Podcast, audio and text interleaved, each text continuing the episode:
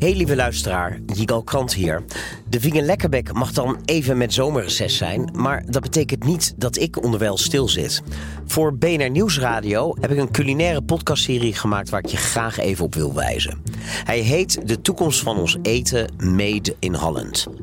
In deze serie bezoek ik boeren, tuinders en ondernemers die pionieren met exotische producten en gewassen.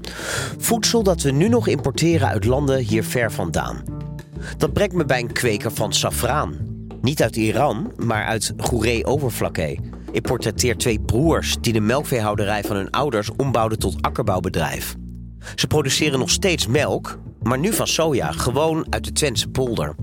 Ik ontmoet een teler van vanille, niet uit Madagaskar, maar uit Monster. En wat dacht je van truffels? Niet uit de Périgord of uit Alba, maar uit Zuid-Limburg. Het zijn stuk voor stuk prachtige verhalen over exotische producten, maar misschien nog meer over inspirerende mensen die hun dromen najagen. Op de Instagram-pagina van de Vegan Lekkerback, de Vegan Lekkerback, vind je meer informatie over misschien wel de mooiste culinaire reportageserie die ik heb mogen maken. Luister alle 12 afleveringen op je favoriete podcast-app. Daar doe je niet alleen mij, maar zeker ook jezelf een groot plezier mee. Ik ben heel benieuwd naar je bevindingen. De Vegan Lekkerbek zelf is na de zomervakantie weer terug. Veel luisterplezier en geniet van je zomer.